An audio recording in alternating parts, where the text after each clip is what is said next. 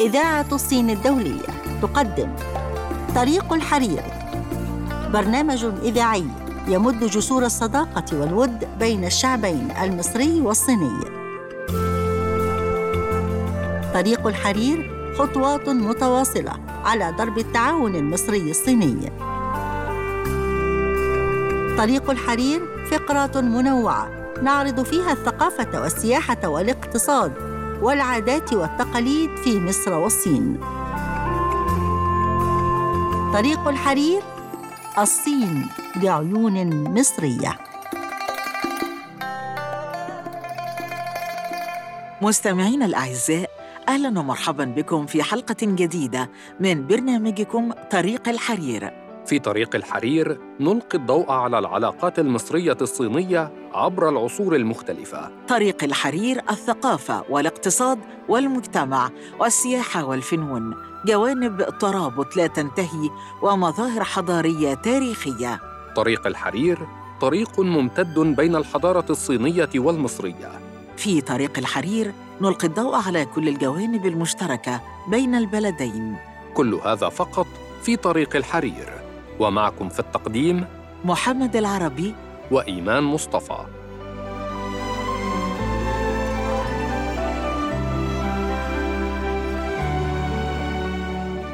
والآن أعزائي المستمعين مع فقرة الصين بعيون عربية والتي نتعرف من خلالها على كيفية نطق اللغة الصينية من خلال الاستماع إلى بعض الكلمات الصينية ومعرفة معنى تلك الكلمات.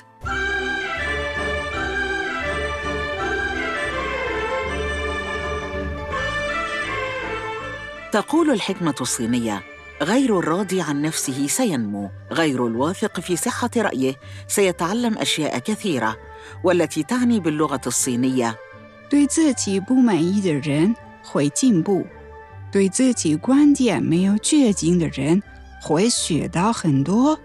والحكمة الصينية هنا تشير إلى أن أي شخص لابد وأن يتذكر أنه ليس بكامل، فهناك أشياء كثيرة تنقصه ولا بد من السعي للوصول إليها، ولا بد أن يتذكر أيضاً أن الإنسان لا يستطيع أن يعرف كل علوم الأرض، ولذا لا تتوقف عن طلب المشورة والنصيحة والمعرفة، وأتقن تعلم دروس هذه الدنيا حتى تصل لأهدافك. مستمعينا الكرام وصلنا إلى ختام فقرتنا الصين بعيون عربية. فاصل قصير ويعود بعده الزميل محمد العربي والفقرة التالية في برنامجكم طريق الحرير. فابقوا معنا. حد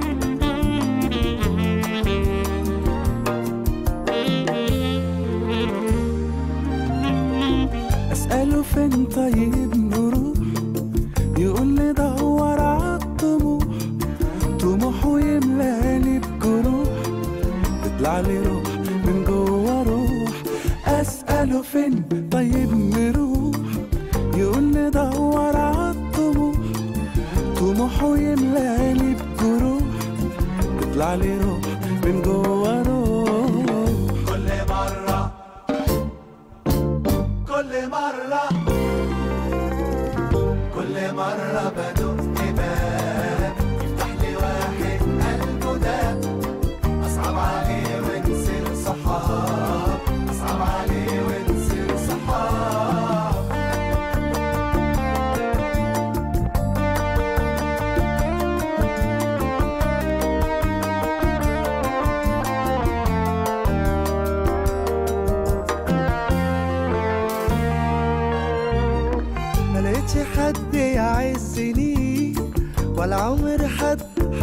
حسني مع إني بركان من حنان. بيهزهم ويهزني ملقتش حد يعزني. ولا عمر حد حسني مع إني بركان من حنان. بيهزهم ويهزني كل مرة كل مرة.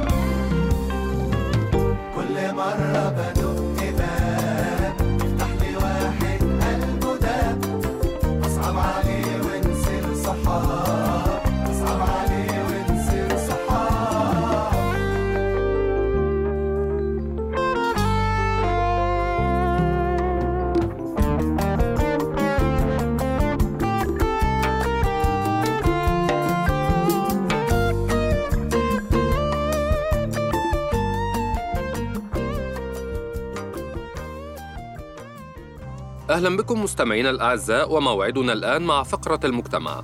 واليوم نتحدث عن ازدهار قرية مصرية وصينية بالسياحة. ازدهرت قرية سيمولا بجنوب غربي الصين من خلال تنمية صناعة السياحة الريفية. وزاد معدل نصيب الفرد من الدخل القابل للصرف للقرويين بأكثر من سبع مرات في غضون ست سنوات فقط. وذلك بفضل حملة الحكومة الصينية للقضاء على الفقر. ويتذكر القروي لي فاشون أحد أهالي قومية وا العرقية في قرية سيمولا أن حياته كانت مختلفة تماماً منذ عدة سنوات وفي ذلك الوقت لم يكن قادراً على شراء الكتب المدرسية لأطفاله ولكن الآن مطعمه يجتذب الزوار مما يسمح له بالعمل من المنزل. وقال إن منزله أصبح الآن مليئاً بالزوار. ويمكنه كسب المال دون مغادرة منزله. قد يكون الأمر مرهقا أحيانا لكنه لا يشكو ويشعر بسعادة شديدة. وقد تم تنفيذ التدابير التي تهدف للتخفيف من حدة الفقر وذلك عام 2014 من خلال التدريبات المهنية والمساعدات الحكومية لتجديد المنازل والتي انتشلت عائلة لي من دائرة الفقر في عام 2017 ولكن لم يتوقف لي عند هذا الحد. فقد استثمر مدخراته في بدء مطعم خاص به مثل العديد من القرويين الآخرين الذين ساهموا في تنمية السياحة المحلية. ووفقا للسلطات المحلية استقبلت القرية أكثر من 200 ألف سائح في العام الماضي على الرغم من آثار جائحة كورونا. وبفضل تنمية صناعة السياحة المحلية زاد معدل نصيب الفرد من الدخل القابل للصرف في القرية 7.2 مرة. مقارنة بالبيانات لعام 2014 وتواصل القرية تنمية السياحة الريفية في المستقبل حتى لا يضطر القرويون إلى السفر بعيداً عن مسقط رأسهم للحصول على فرصة عمل. وفي مصر وبالتحديد قرية غرب سهيل والتي تعتبر قرية نموذجية ومن أهم القرى النوبية التي تعتمد على السياحة بنسبة كبيرة. تقع القرية على الشاطئ الغربي للنيل، وقد اكتسبت اسمها من موقعها المواجه لجزيرة سهيل التي استخدمها قدماء المصريين لاستخراج الجرانيت ويحدها غربا دير الأنبا هدرا وضريح الأغا خان وقد أدرك أهل القرية مثل غيرهم في قرى النوبة أن حياتهم التقليدية وتراثهم ومشغولاتهم جاذبة للسياح فحولوا حياتهم اليومية إلى مزار سياحي حيث يستضيف أهل القرية السياح من زوار أسوان ويصحبونهم في جولة داخل البيوت ذات الطراز المعماري المميز. ويرتدي السائح الملابس النوبية ويقضي يوما كاملا يتناول خلاله الطعام النوبي والأكلات المشهورة مستمتعا بأسلوب الحياة داخل المنازل والتي تحولت إلى مطاعم ومحال لاستضافة الأفواج السياحية وتعريفها بالحضارة النوبية القديمة لغة وتراثا بالإضافة إلى مراكز المشغولات اليدوية التي تعمل بها فتيات القرية. ويشاهد السائح نماذج للتمساح النيلي الذي يقوم بعض الأهالي بتربيته داخل أحواض أسمنتية بمنازلهم. إلى هنا مستمعينا الأعزاء نكون قد وصلنا معكم إلى ختام فقرة المجتمع. نتوقف الآن مع فاصل تعود بعده الزميلة إيمان مصطفى لتقديم الفقرة التالية فانتظرونا.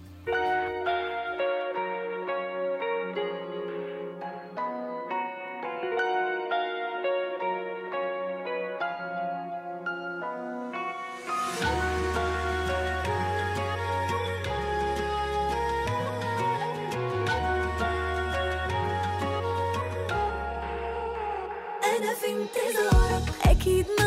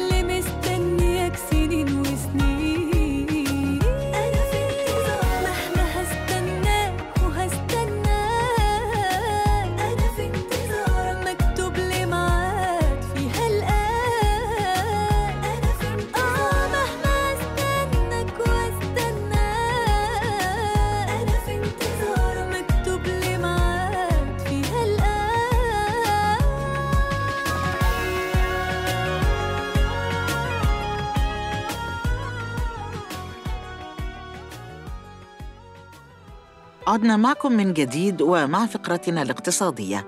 ونتحدث اليوم عن مصر أول دولة في العالم تطلق تقريرا حول تمويل التنمية المستدامة. أكدت معالي الدكتورة هالة السعيد وزيرة التخطيط والتنمية الاقتصادية أن تقرير تمويل التنمية المستدامة في مصر يعد التقرير الأول من نوعه عالميا حيث يتم فقط إصدار تقرير عن حالة تمويل التنمية عالميا بينما لم يتم إصدار تقرير مشابه على المستوى الوطني وقد تم إعداد هذا التقرير تحت مظلة جامعة الدول العربية حيث وقع الاختيار على مصر لتكون أولى الدول في إعداد هذا التقرير لما لها من ريادة وثقل تنموي في المنطقة العربية على أن يبدأ بعدها تعميم المشروع على عدد من الدول العربية تمهيدا لإعداد تقرير حول التمويل من أجل التنمية في المنطقة العربية. وأوضحت هالة السعيد أنه على الرغم من الإنجازات التنموية التي حققتها الدولة المصرية على كافة الأصعدة خلال الأعوام الماضية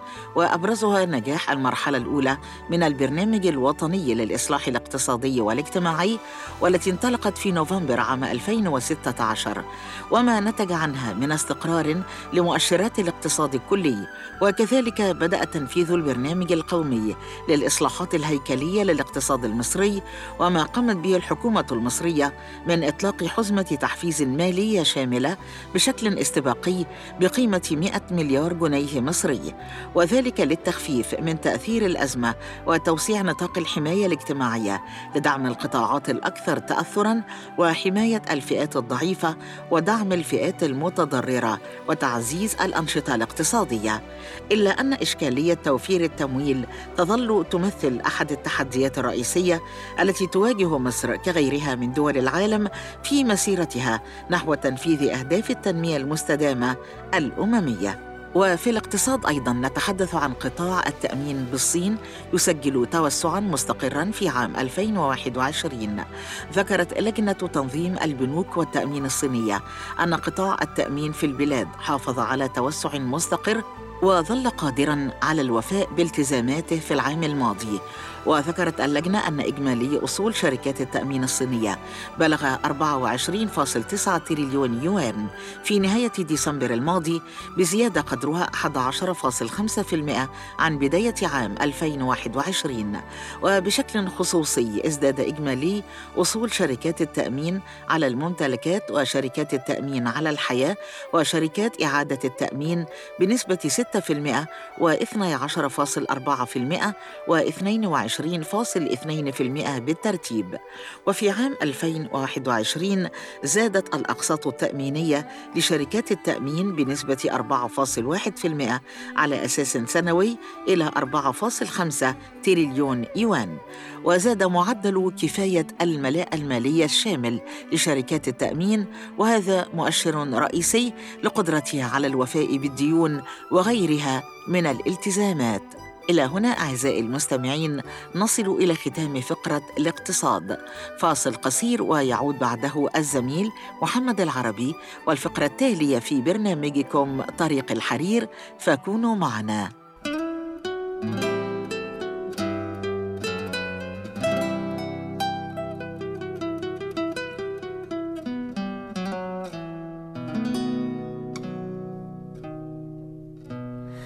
是否很惊讶，講不出説話？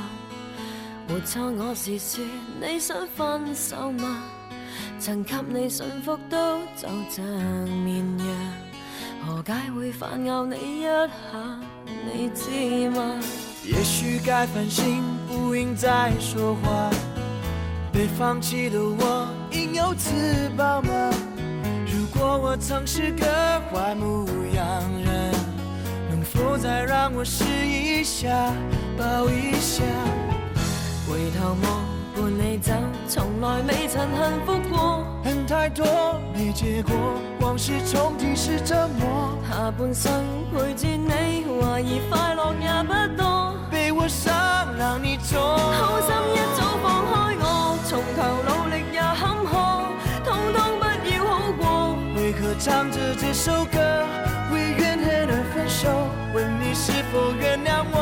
若注定有一点苦楚，不如自己亲手割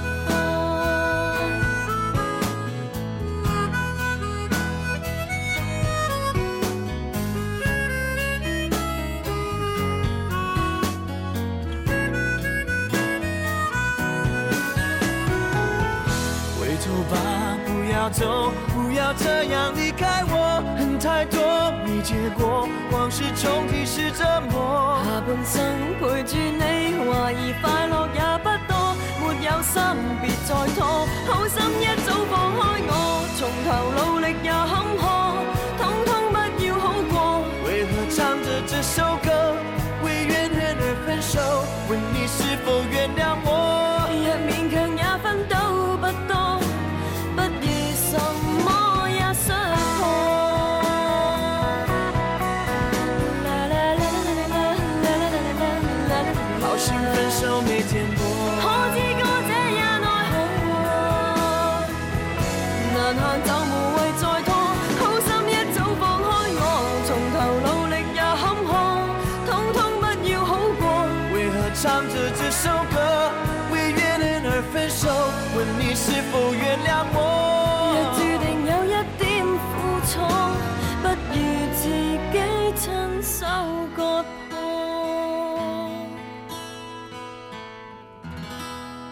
عدنا معكم من جديد مستمعينا الأعزاء وموعدنا الآن مع جولتنا السياحية. واليوم نتجول بين مواقع الغطس في البحر الأحمر وجزيرة هاينان بالصين. تضم شواطئ البحر الأحمر أكثر من 60 موقع غطس مشهور ومعروف للسياح الذين يصلون خصيصا للغوص في أعماق البحر الأحمر. ويستمتعون بمشاهدة الكائنات البحرية المختلفة والنادرة وخاصة الشعاب المرجانية. ومن بينها تلك المواقع المتواجدة بنطاق محمية الجزر الشمالية شمال البحر الأحمر خصوصا على شواطئ الغردقة وسفاجة حيث تحتوي على 14 موقعا للغوص. وكشف باحث بيئي بالبحر الأحمر أن محميات الجزر الشمالية تتميز بوجود شعاب مرجانية مميزة تصل أعمارها لملايين السنوات وتحتوي على أسماك الشعاب وأسراب الدلافين التي يأتي السياح لمشاهدتها. ومن مصر ننتقل بجولتنا إلى الصين وبالتحديد إلى جزيرة هاينان.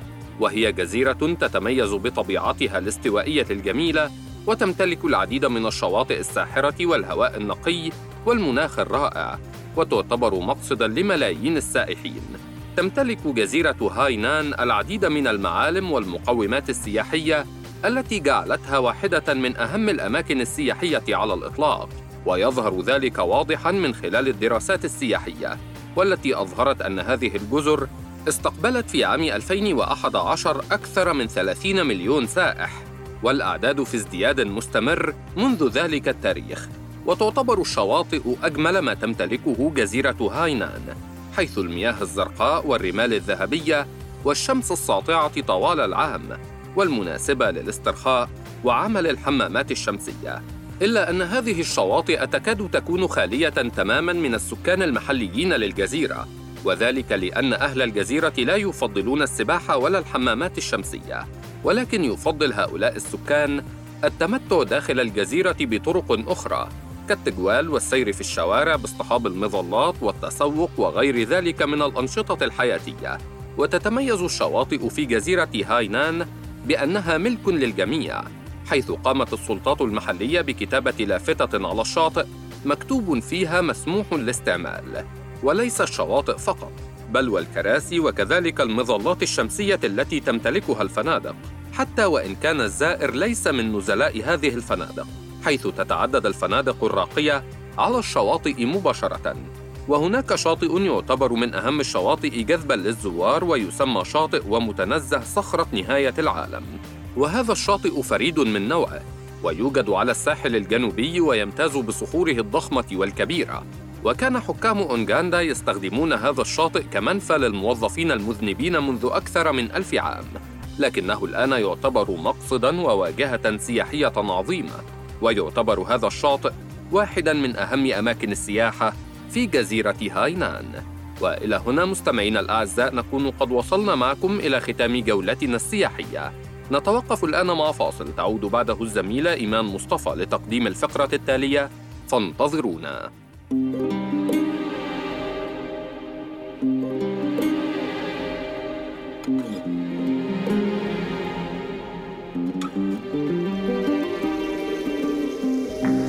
تعيشي معايا في الجنة تمليها.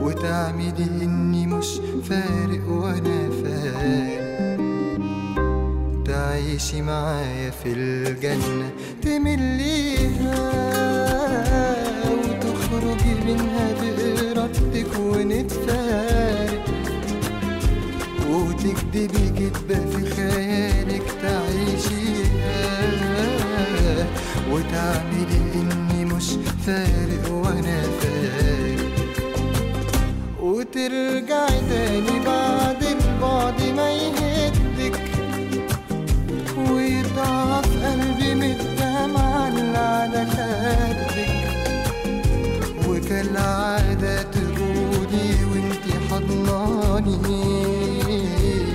أنا أسفة ومش هعمل كده تاني.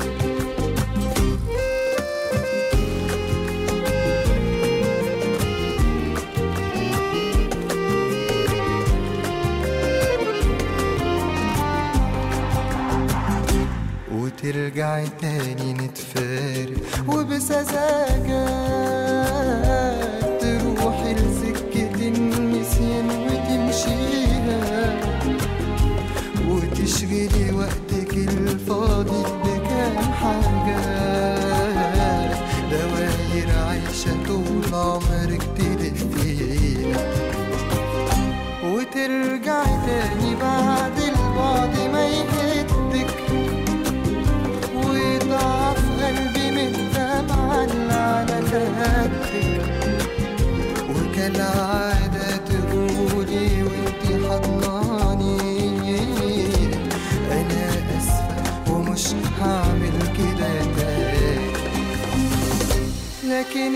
المرة دي غير كل اللي قبليها.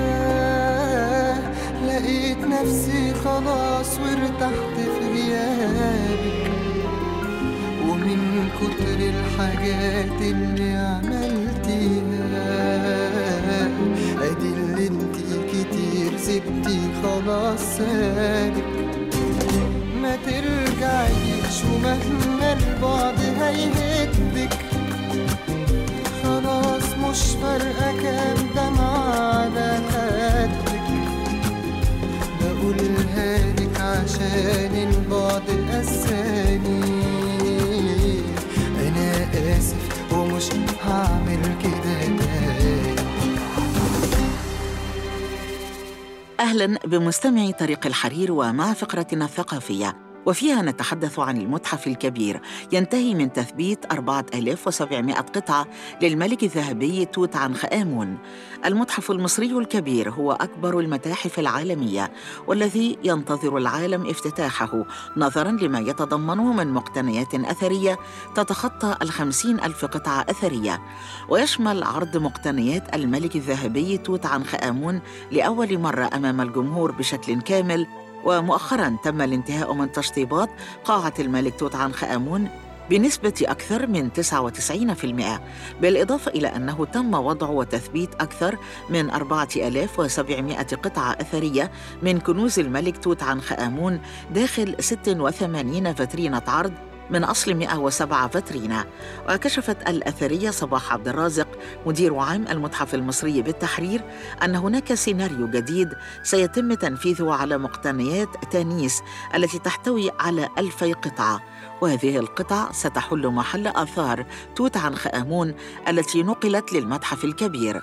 وقالت إن طريقة العرض ستكون مختلفة رغم أنه سيتم وضعها في نفس أماكن العرض لمقتنيات الملك توت عنخ آمون بالمتحف المصري.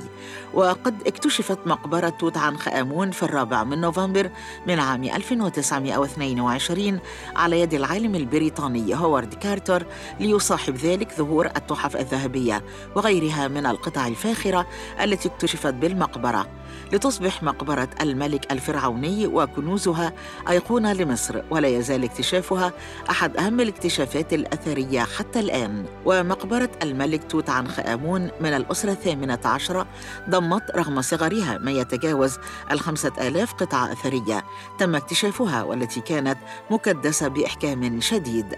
وتعكس هذه القطع نمط الحياة في القصر الملكي وتشمل الأشياء التي كان توت عنخ آمون يستخدمها في حياته اليومية مثل الملابس والمجوهرات ومستحضرات التجميل والبخور والأثاث والكراسي والألعاب والأواني المصنوعة من مجموعة متنوعة من المواد والمركبات والأسلحة وغيرها. وصلنا مستمعين لنهاية فقرتنا الثقافية والتي نتمنى أن تكون نالت إعجابكم. وبهذا أعزائنا المستمعين نكون قد وصلنا معكم لنهاية حلقتنا اليوم من طريق الحرير والذي يأتيكم بالتعاون مع إذاعة الصين الدولية. وإلى اللقاء وحلقة جديدة من طريق الحرير. كان معكم في هذه الحلقة إيمان مصطفى. ومحمد العربي. رئيس التحرير. هبة رجب. فريق الإعداد ولاء العقاد ومنى حسن إخراج وليد إمام. هندسة الصوت كريم سيد.